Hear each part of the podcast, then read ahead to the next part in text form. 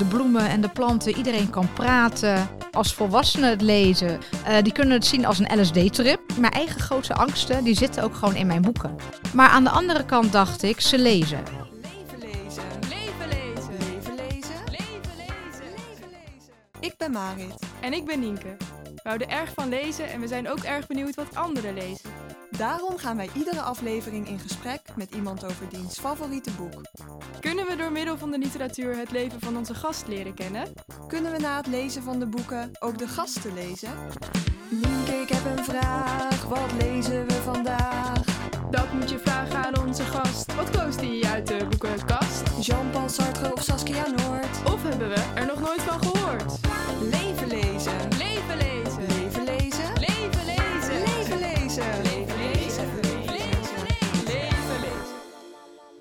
Hallo iedereen. Heel leuk dat jullie hier allemaal zijn ter gelegenheid van de Boekenweek voor Jongeren.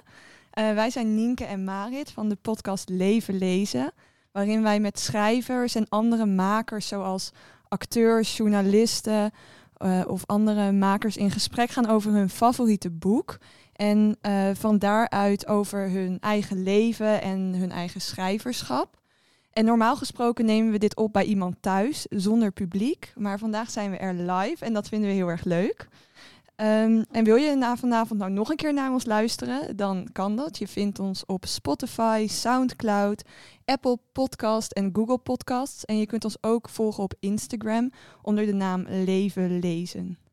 En vanavond zitten we hier dus in de bibliotheek in Drachten met Chinook Thijssen, bekende young adult auteur van vooral heel veel thrillers als Museumnacht en Fataal Spel.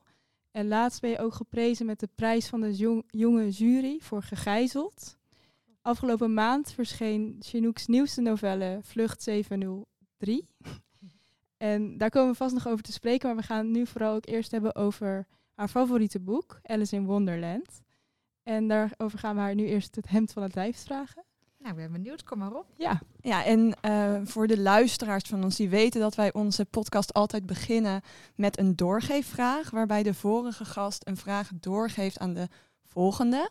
In onze vorige aflevering gingen wij in gesprek met eh, Francine Ome, bekend van de Hoe overleef ik reeks. En zij wil graag van jou weten, Chinook, ehm, heb jij met jouw boeken een boodschap die je wil overbrengen of is het meer amusement? Ja, ik denk, ik vind het een hele goede vraag. Ik, eh, ik stop er niet per se een boodschap in. Het is meer dat ik denk dat mensen zelf een boodschap eruit kunnen halen. En dat kunnen verschillende boodschappen zijn. Maar ik denk dat het vooral amusement is en voor jongeren bedoeld is dat ze toch gewoon lekker kunnen lezen en eventjes hun hele eigen leven kunnen vergeten. En ik denk vooral op de middelbare school, waar toch heel veel jongeren niet heel erg houden van lezen, als, nou, zoals heel vaak gezegd wordt. Ik kom gelukkig heel vaak jongeren tegen die wel van lezen houden, maar dan vooral spannende boeken.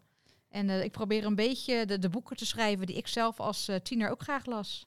Ja, en je zegt dat ze soms wel een boodschap eruit kunnen halen, ook al Ja. stop je er niet, niet echt in. Eh, kun je een voorbeeld geven van een boodschap die eruit kan worden gehaald? Eh, een boodschap is in ieder geval voor mij heel vaak ook iets wat met de dader te maken heeft. Ik hou heel erg van interessante motieven. Dus niet dat het gewoon is dat een dader er zin in had om iemand te bedreigen of te vermoorden in mijn boeken vaak. Eh, of om wraakredenen, maar dat er ook echt iets achter zit waardoor je kunt bedenken, iedereen zou een dader kunnen worden. Al kan het zijn om een dierbare te redden. En dat vind ik ook altijd wel een, eh, een heel mooi plot. En in het verhaal van Alice in Wonderland, ik denk dat de meesten het wel kennen, maar voor de volledigheid, de Alice die is een jong meisje en die ziet ineens een konijn rennen met een zakhorloge. En dan, zonder er maar over na te denken, rent ze erachteraan en het konijn verdwijnt in het konijnenhol en zo verdwijnt zij ook in het konijnenhol. Ja. En daar beleeft ze de raarste avonturen. Eh, nou, zie jij Alice in Wonderland ook als een boek voor amusement? Of zit daar dan, ook, zit daar dan wel een boodschap in? Eh, voor mij, ik heb volgens mij ehm, het boek gelezen als kind. De film, nou, minstens 80 keer gekeken. Eh, het is voor mij ten eerste heel veel amusement, omdat het zo magisch is en zo absurdistisch eigenlijk. Dat je denkt, hoe kun je dit verzinnen? Maar ik denk dat, er, ehm, dat je er heel veel lagen uit kunt halen. En ik heb mezelf heel lang als het konijn gezien. In de tijd dat ik als eh, freelance redacteur werkte. En toen werkte ik vaak 80 uur per week, soms zelfs 100 uur per week, wat niet aan te raden is. En toen voelde ik mezelf continu dat eh, konijn met het eh, horloge. Van te laat, te laat, geen tijd. Je constant haast had. Altijd haast. En dat, dat begon dan echt op te breken. Dus ik voelde me net zo gehaast vooral als dat konijn. Maar ja, er zit zoveel in dit verhaal, dat, dat kun je niet eens ontleden. Ik snap ook niet hoe je dit kunt verzinnen. Ja, en je zegt dat je het als eh, kind als eerst las. Heb je het daarna ook nog heel vaak herlezen? Nee, dat durfde ik niet meer. Ik was bang dat het boek dan misschien tegen zou vallen. In mijn hoofd had het, eh, was het helemaal ingekleurd. En daarna keek ik de, de tekenfilm. En die vond ik fantastisch. En daarna kwam dan die film, eh, volgens mij gemaakt door Tim Burton. En die vond ik ook heel goed, maar die had iets duisters, waar ik wel van hou. Mhm. Maar bij Alice in Wonderland wilde ik dat juist niet. En ik was bang dat als ik zoveel jaar later een boek terug zou lezen, dat ik zou denken, oh, misschien vind ik het nu niet meer zo goed zoals ik het vroeger vond. Wat ik met sommige boeken ook heb, die ik als tiener geweldig vond en die ben ik dus wel gaan herlezen. Ja, daar had ik dus een heel klein beetje spijt van. Oh ja. En wat voor boeken zijn dat dan? Ehm, een, boek, nou, een boek dat ik stiekem ook mee heb genomen van de schoolbibliotheek en nooit meer heb ingeleverd, staat ook echt nog als lijster in mijn, eh, in mijn kast, is eh, Het verrotte leven van Floortje Bloem van Yvonne Kuls. En ik was vroeger zo onder de indruk van dat boek. Heb ik denk ik vijf keer gelezen op school. Ik leverde hem gewoon ook niet in. Nou, dat mocht natuurlijk niet, maar ik, eh, ik heb hem nog steeds. En toen heb ik hem, ik denk een jaar of vijf geleden weer een keer gelezen. En toen dacht ik, oh, nou, vind ik eigenlijk wel een beetje tegenvallen. Maar dat komt ook doordat de tijd weer verder is gegaan. Van toen was dat heel bijzonder. En ja, nu gebeurt er zoveel dat je toch niet meer zo snel ergens van opkijkt, denk ik. En je noemde net al heel veel redenen waarom Alice in Wonderland zo'n geweldig boek is. Maar tijdens ons mailcontact noemde je ook dat er heel veel fantasie in zat.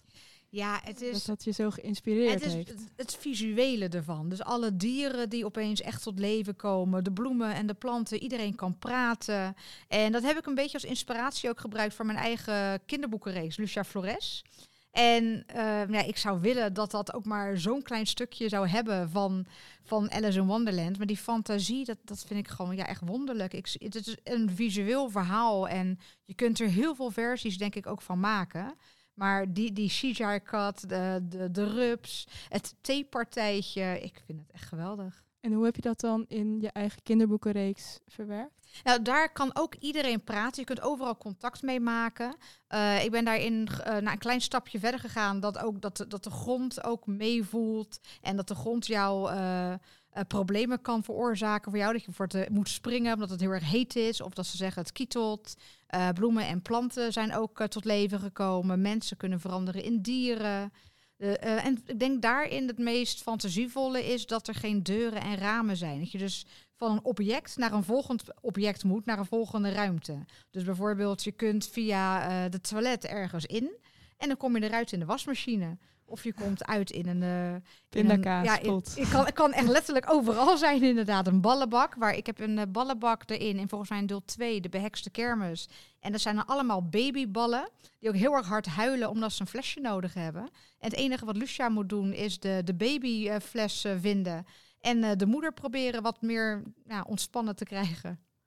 Ja, en dat is inderdaad in Alice in Wonderland ook zo, dat er allemaal hele wonderlijke dingen gebeuren. Dingen die je normaal niet zou tegenkomen. Ja, maar zitten er ook grenzen aan de fantasie? Of kun je voor een kinderboek echt alles verzinnen? Zit daar een limiet aan? Voor mijn gevoel zit er geen limiet aan. Ik denk wel dat ehm, als bijvoorbeeld met de Lucia Flores reeks, als volwassenen het lezen, heb ik al eens gelezen toevallig dat iemand dat schreef. eh, die kunnen het zien als een LSD-trip. Dat heb ik echt gehoord. maar ja, ik vind, ik vind dat heel erg leuk. Ik voel me als ik dat schrijf, voel ik mezelf echt weer als een kind. En dan kan alles. En ik zie dat ook tijdens schoolbezoeken, dat die kinderen zo'n tomeloze energie hebben en fantasie hebben. En dat ze ook echt de gekste dingen bedenken. Zoals Snoepjesland. Dat hadden kinderen in een klas bedacht. En dat heb ik toen in het derde deel gestopt. Ja, want kinderen zijn ook wel heel kritische lezers. Ja, in de zin van dat ze Ja. heel vaak vragen waarom of hoe kan dat? Ja, En hoe zorg je dan toch dat ze meegaan in jouw fantasiewereld? en je merkt in elke klas dat er een verschil is tussen de, tussen de kinderen inderdaad. Het ene kind dat verzint van alles. En dan is er een draak en die heeft een prinsessenkroon op. En die heeft een sjerp om. En denk ik, oké, nou leuk. En een ander kind die zit echt van, ja, maar dit kan niet echt. Dus nee, het moet wel kloppen. Mhm. Dus ik probeer daar dan iets in te verzinnen dat hij dan iets gaat bedenken wat met sport te maken heeft, wat hij echt leuk vindt. Of een, eh, een film die hij heel leuk vindt. Ja, niet iedereen heeft die, die ja, bijzondere creativiteit in zich. En sommigen die vinden het ook heel moeilijk als het heel fantasierijk is. En ben je dan wel bezig met dat alle kinderen erin mee kunnen gaan? Ik weet inmiddels dat dat eigenlijk bijna niet te doen is. Dat, eh, ik denk dat mijn doelgroep van de kinderboeken echt wel de, de, de, ja, de fantasierijke, creatieve kinderen zijn. En ik denk bij mijn thrillers dat, eh, dat je daar ook een bepaald publiek voor hebt. Ik denk vooral bij mij degene die van spannende, snelle boeken houden. Maar hou je van mooie zinnen, hou je van literatuur, ja, dan word je niet echt heel erg blij van mijn boeken, denk ik. En hoe weet, je dan dat, hoe weet je dan dat mensen nog meegaan in die spanning? Bijvoorbeeld bij je thrillers? Ehm, ik denk dat, Dat, het ze denken, nou nu is het zo gek, dan... Ja, dan, eh, ik denk, ik heb, ik heb geluk met een paar hele goede proeflezers. Die mij wel af en toe met beide voeten op de grond zetten. Want ik kan heel snel denken, oh, dit is leuk, dat, dat, doen we, dat doen we, dat zetten we erin. En dan zegt mijn proeflezer, ja, maar dat geloven we echt niet meer. Dus eh, er moet altijd wel bij mij iemand meelezen die kijkt naar de geloofwaardigheid. Want in mijn hoofd kan alles. Maar in een thriller, in tegenstelling tot de kinderboeken, in een thriller moet het weer wel kloppen. En iets wat ook niet kan in het echt, maar wat wel gebeurt in Alice in Wonderland, is dat Alice de hele tijd van grootte verandert. Ja, Dan is ze weer klein en dan eet ze weer iets en dan is ze weer drie meter lang en dan drinkt ze weer iets en dan krimpt ze weer. ik wou dat ik dat had verzonnen. En op een gegeven moment zegt ze dan eh, tegen de rups dat ze niet meer weet wie ze is. En daar hebben we ook een voorleesfragment Ja, bij. dat klopt. Ik vind de rups ook echt een, ja, een van de geweldigste personages. Ik zie hem ook gelijk weer voor me. Ja. De rups en Alice keken elkaar een tijdje zwijgend aan. Ten slotte nam de rups de pijp uit zijn mond en sprak haar aan op een slome, slaperige toon. Wie ben jij? vroeg hij. Dit was geen bemoedigend begin. Een beetje verlegen antwoordde Alice. Ik weet het niet zo goed, meneer, op dit moment. Ik weet nog wel wie ik was toen ik vanmorgen opstond. Maar sindsdien ben ik volgens mij al een paar keer veranderd. Wat bedoel je? vroeg de rups streng. Verklaar je nader. Ik ben bang dat ik mezelf niet nader kan verklaren, meneer. Omdat ik mezelf niet ben, ziet u? Nee, ik zie niks, antwoordde de rups.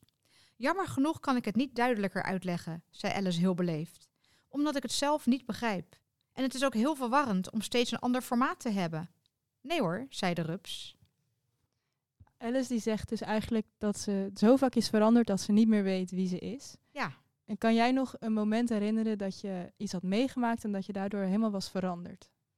Ehm, ik denk dat ik vroeger, maar op de, basisschool eigenlijk al, eh, had ik al verhalen in mijn hoofd, schreef ik al verhalen. Maar ik denk vanaf de eerste keer dat ik zo'n verhaal ook echt op papier zette en mensen het gingen lezen, toen wist ik, dit is wat ik de rest van mijn leven wil gaan doen. Voor mijn gevoel was er een voor, voor het eerste verhaal dat ik schreef en een na het eerste verhaal. En eigenlijk vanaf dat moment heb ik me altijd als schrijver gevoeld. Toen was ik volgens mij tien of elf jaar. Alleen heel veel mensen in mijn omgeving die, die begrepen dat niet. En schreef je toen ook al spannende verhalen? Ja, en dat, dat, daar heb ik niet zelf voor gekozen. Gek genoeg ging dat gewoon zo. Ik denk wel omdat ik al heel veel thrillers had gezien, heel veel enge films had gezien met mijn oma.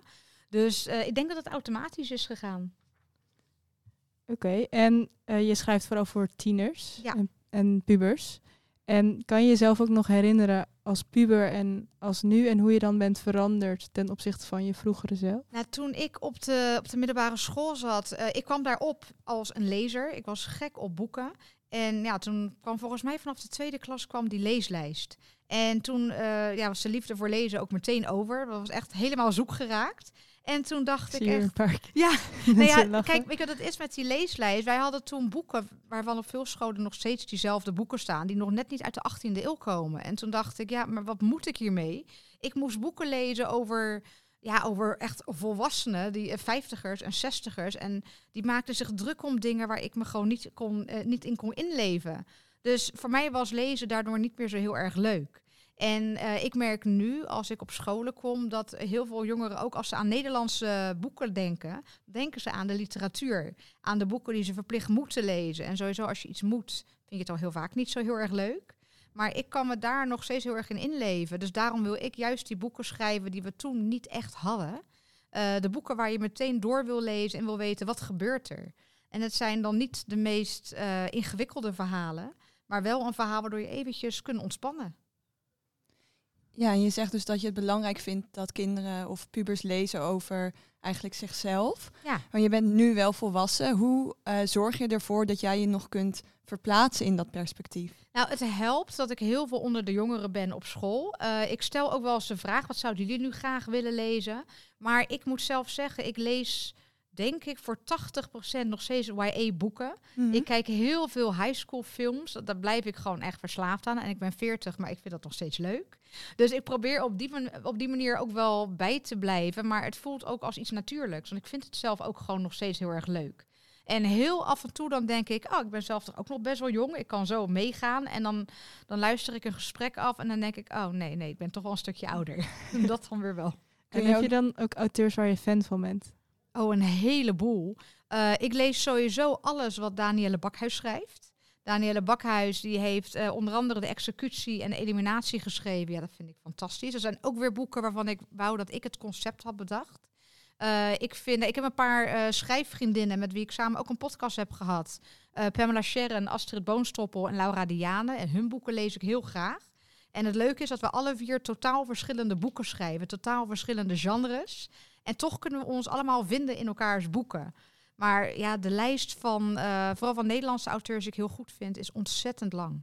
En Margie Woodrow en Sis Meijer, en Mel Wallace Vries, die iedereen wel kent, die vind ik ook allemaal geweldig. Maar je hoort al dat het best wel veel, ja, toch wel thrillers zijn.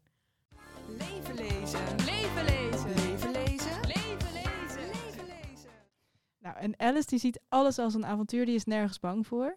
Maar in jouw boeken zijn juist de personages wel heel bang en je probeert ook natuurlijk de lezers bang te maken.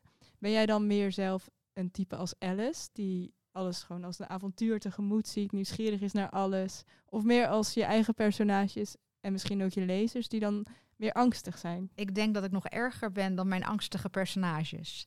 Ik ben echt, ik vind, ik vind heel veel eng. En ik denk dat eh, heel veel van mijn, mijn eigen grootste angsten, die zitten ook gewoon in mijn boeken. En eh, bijvoorbeeld in Museumnacht heb je een kamer vol met eh, porseleinen poppen. Nou, dat is al sinds dat ik tien was echt een van mijn grootste angsten. Zo'n pop die je de hele tijd aanstaart. En dan voor je gevoel gaan die ogen continu met je mee. Nou, ik was een keertje in Spanje en we kwamen op de boulevard. En de allereerste tent die daar stond voor verkoop was met antieke poppen. Nou, daar durfde ik gewoon de hele vakantie niet meer langs te lopen. Dat vond ik echt doodeng. En ik denk in, eh, in de True for Dance serie het, stalken. Eh, een groepschat. Ik heb zelf ooit in een groepschat gezeten die eh, heel naar was. En dat ik ook iedere keer als een berichtje binnenkwam, dat ik dan ook bijna een paniekaanval kreeg. Dus allemaal dat soort dingen heb ik er wel in gestopt. En ik denk dat in elk boek wel of een angst van mij of een ervaring van mij in zit. Alleen dan vaak nog ietsje ja, aangedikt natuurlijk. Maar ondanks dat je dus een angstig persoon bent, lees je wel heel graag thrillers. Ja, maar wel vaak overdag. Oké. Ook de, ik, ik kijk ook echt, ik kijk horror, horrorfilms, maar die kijk ik ook het liefst overdag. En daarna moet ik iets vrolijks doen, want anders slaap ik dus niet meer. Eh, ik, kijk, ik, slaap, eh, ik, heb, een- ik heb een zolderkamer waar ik op slaap en de, de traptreden die kraken. Nou ja, als ik dan net een horrorfilm heb gekeken of een thriller heb gelezen, dan ja, geloof maar, ik, ik slaap nooit meer. Niet naar de wc s'nachts. Nou, dat vind ik sowieso doodeng. ik geloof dat nu pas sinds een paar jaar dat ik dat dan wel echt doe. Want het ophouden, dat, dat moet je niet doen s'nachts. Dus dan ga ik toch die trap af, maar ik kijk continu om me heen. En het is ook wel eens dat ik gewoon iets hoor. En dan ben ik gelijk helemaal paranoid. Heb je jezelf dan misschien ook bang gemaakt door Ja. je eigen schrijven? Ja, ja het, het erge is dat mijn museumnacht... eh, ik schrijf inmiddels overdag. Met Fataal Spel schreef ik s'avonds. Dat was niet zo slim, want met Fataal Spel zat ik richting het einde. En dan krijg je, eh, zonder nou, hele kleine spoiler, krijg je een stroomstootspel. En dat vond ik zelf best wel eng. En ik woonde toen in mijn eentje in een flat met mijn hondje Cosmo. En die moest nog uit. En het was al donker. Ja, toen durfde ik dus niet meer naar buiten. Dus ik heb toen serieus mijn vader gebeld. Die is toen eh, gekomen om mijn eh, hondje uit te laten. En ik kreeg daarna de tip om dan voortaan toch maar overdag te gaan schrijven. Dus dat ben ik gaan doen. Helpt heel erg, alleen met, met museumnacht hielp het niet. Met museumnacht was het overdag en dan... Ja, ik kreeg gewoon buikpijn tijdens het schrijven. En ik, je moet zo'n boek, als je het geschreven hebt, ook nog minstens vijf keer teruglezen. Mhm. En iedere keer als ik het las, dan had ik gewoon zo'n hele spanning in mijn, in mijn schouders, in mijn buik. Ik vond het zelf doodeng. Ik vind Museumnacht ook oprecht mijn engste boek. Maar Ja. ik moest hem schrijven. En je zegt dus dat je veel eigen angst ook wel in je boeken hebt gestopt. Ehm, Alice in Wonderland, het hoofdpersonage Alice, is ook gebaseerd op een echt meisje, Ja. Alice Liddell. Ehm, baseer jij je personages ook wel eens op echte tieners bijvoorbeeld? Eh, nou, ik heb, ehm, ik denk dat ik daar vanaf gegijzeld ongeveer mee ben begonnen. Eh, iedere keer op schoolbezoeken vraag ik leerlingen eh, of ze mij een vraag willen stellen. En bijna altijd is het zo dat, dat ze dat dan niet durven. Of ze zijn bang dat ze een verkeerde vraag stellen. Dus ik kreeg een keertje een tip van een, eh, van een collega-auteur, Maren Stoffels. Mhm. Die zei tegen mij, je zou ook iets er tegenover kunnen zetten. Dus als iemand een vraag stelt en het is een goede vraag, dat hij dan op je namenlijstje komt. En dan kun je een personage worden. Nou, Oh. dat ben ik gaan doen. Eh, dat is alleen een beetje uit de hand gelopen, want nu heb ik ongeveer duizend namen op mijn eh, namenlijstje staan. Maar alle namen komen nu dus ook echt van leerlingen die op dat namenlijstje terecht zijn gekomen, die een vraag hebben gesteld of een quiz hebben gewonnen, die ik tijdens een eh, schoolbezoek doe. Ehm, ik zeg wel erbij, ik, ik gebruik de naam. Maar het uiterlijk en alles eromheen verzin ik. Want ja, in mijn boeken worden moorden gepleegd. En ik wil niet per se ook het gevoel geven dat die leerling dan ook echt vermoord is. Dus ja, dat verander ik dan wel. Want in je nieuwste boek, Vlucht 703, heb je dan Timon en Iris. Ja. Dat zijn dus ook namen van leerlingen die je hebt ontmoet op een Nou ja, ja eh, dit boek is toevallig zelfs eh, tot stand gekomen met een groep leerlingen. Want ik had het idee voor Vlucht 703 al. En ik ging naar een school waar ik toevallig volgende week weer ben. En dat is een school, een speciaal onderwijs, leerlingen met autisme. Mhm. En ik wist al meteen toen ik ze aankeek, wij kunnen samen dit verhaal gaan uitdenken. En ze waren ontzettend technisch. Ik wilde precies weten hoe gaat dat dan in een vliegtuig. Jullie weten vast alles van escape rooms. En wij hebben eigenlijk samen een heel groot deel van de plot eh, bedacht. Dus zij zijn allemaal de personages geworden in het boek. Het boek is ook aan hen opgedragen. En ja, dat vind ik het meest leuke wat er is. Dat je dus samen ook een, een verhaal kunt bedenken of uit kunt denken.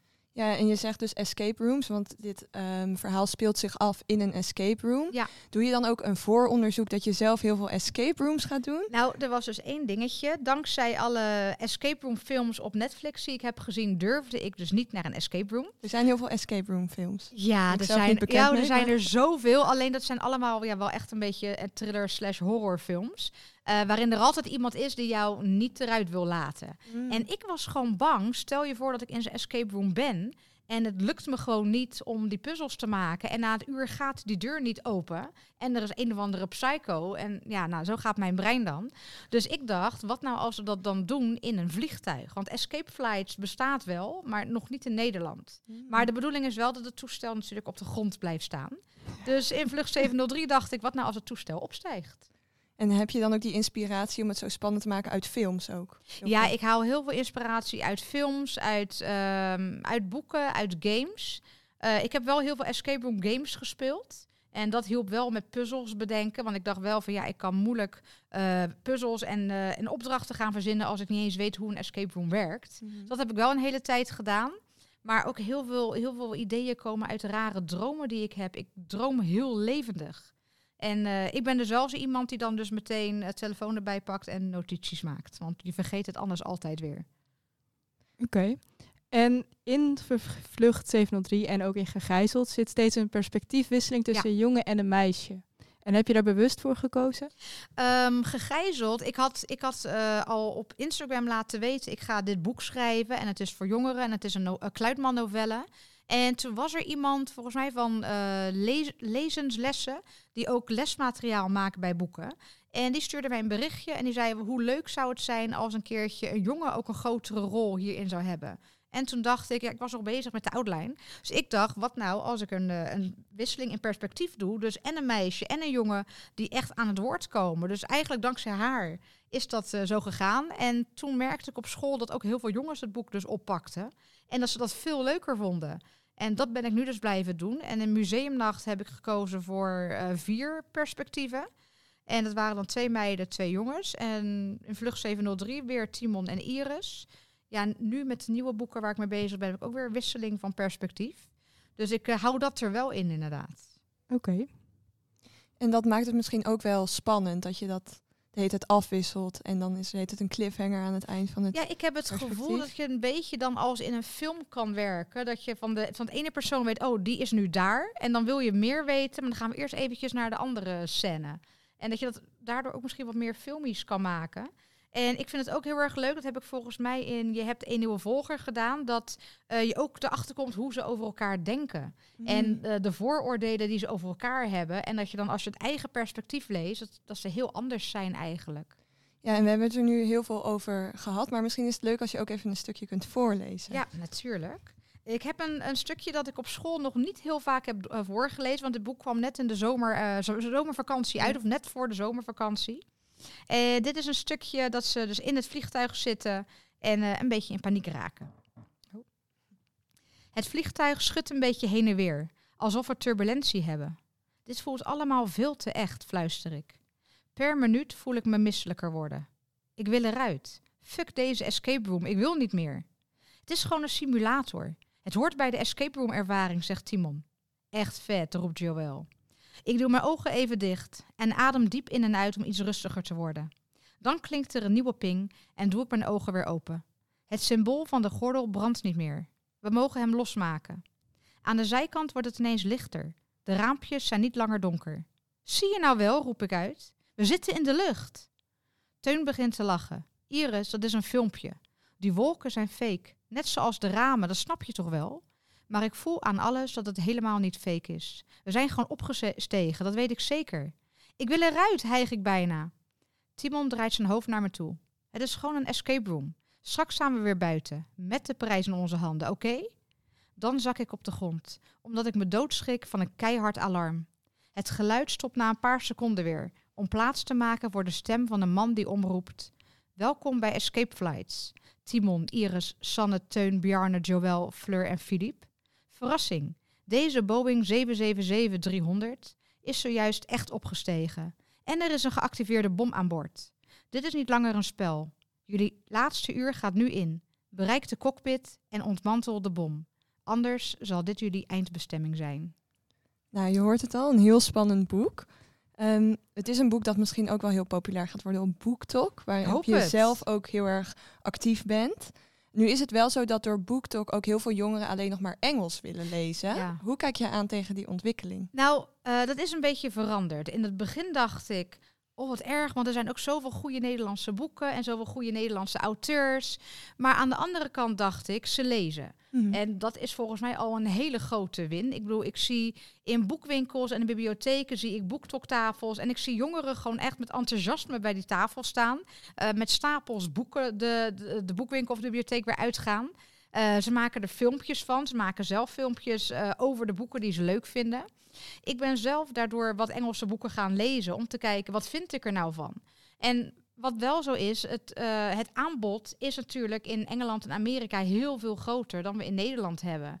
Eh, het nadeel is, als je heel veel Engels leest, je merkt wel dat de Nederlandse taal steeds slechter wordt. Als ik eh, een schrijfopdracht geef aan de jongeren en ik ga zo'n verhaal lezen, dan, dan schrik ik heel vaak over de kwaliteit van taal. Het verhaal kan fantastisch zijn, maar taalgebruik, grammatica, nou, dat is gewoon echt best wel dramatisch. Dus ik hoop wel dat, dat, dat ze dat wat meer gaan oppakken. Ik hoop ook dat, eh, dat er nog steeds veel meer Nederlandse YA-auteurs bij gaan komen. Maar ik denk wel, niet iedereen doet dat. Ik denk dat het heel erg helpt dat je jezelf ook gewoon laat zien wie je bent.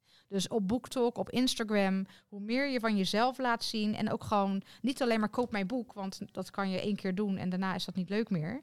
Maar probeer er ook een beetje creatief mee te zijn. En probeer ook gewoon het publiek dat je daar hebt eh, mee te laten denken en echt mee te laten kijken. Ik denk dat dat al heel veel zal helpen. En een ander medium is film. We hebben het al even over de Alice in Wonderland film gehad. En nu laatst op internet dat jouw Fataal Spel ook wordt verfilmd. Ja, nou, eh Fataal Spel kwam in 2018 uit. En na, eh, binnen een jaar was er al een scenario schrijver. Eerst een, eerst een andere en die zei toen uiteindelijk alsnog nee. Die wilde Fataal Spel verfilmen en True for Dance. En toen kwam iemand anders op mijn pad, Kitty van Glimlach Media.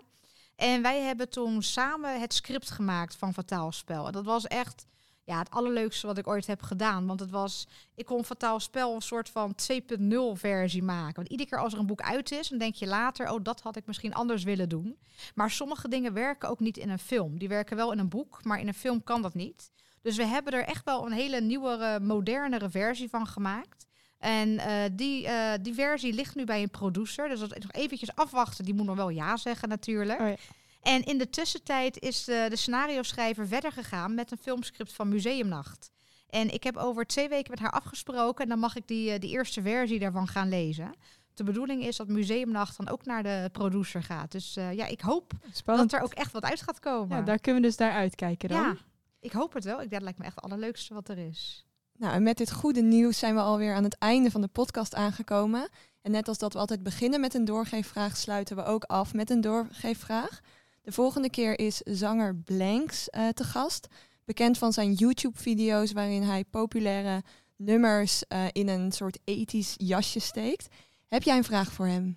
Ja, nou, ik wil ten eerste zeggen dat ik het echt heel gaaf vind dat hij die nummers in een nieuw jasje steekt. En uh, zeker in ja, jaren tachtig inderdaad had ik gehoord. Vind ik heel leuk.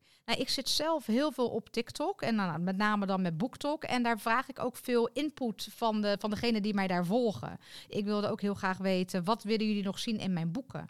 En mijn vraag is dan, uh, doe je dat ook op TikTok om daar te vragen welke nummers zouden jullie nog heel graag willen dat ik in een nieuw jasje zou steken? Nou, leuke vraag. Wil je alvast meelezen met de podcast? Het favoriete boek van Blanks is De Alchemist. Het verhaal van de jonge schaapherder San Diego die een grote wens heeft, de wereld bereizen tot alle uithoeken. Hij wil er namelijk achterkomen hoe de wereld in elkaar zit. In Egypte ontmoet hij dan de alchemist die hem een wijze les meegeeft. Nou, ben je nou benieuwd waarom dit het favoriete boek is van Blanks? Dan moet je vooral de volgende aflevering gaan luisteren. Nou, nogmaals heel erg bedankt voor het komen luisteren naar deze live podcast met Chinook Thijssen.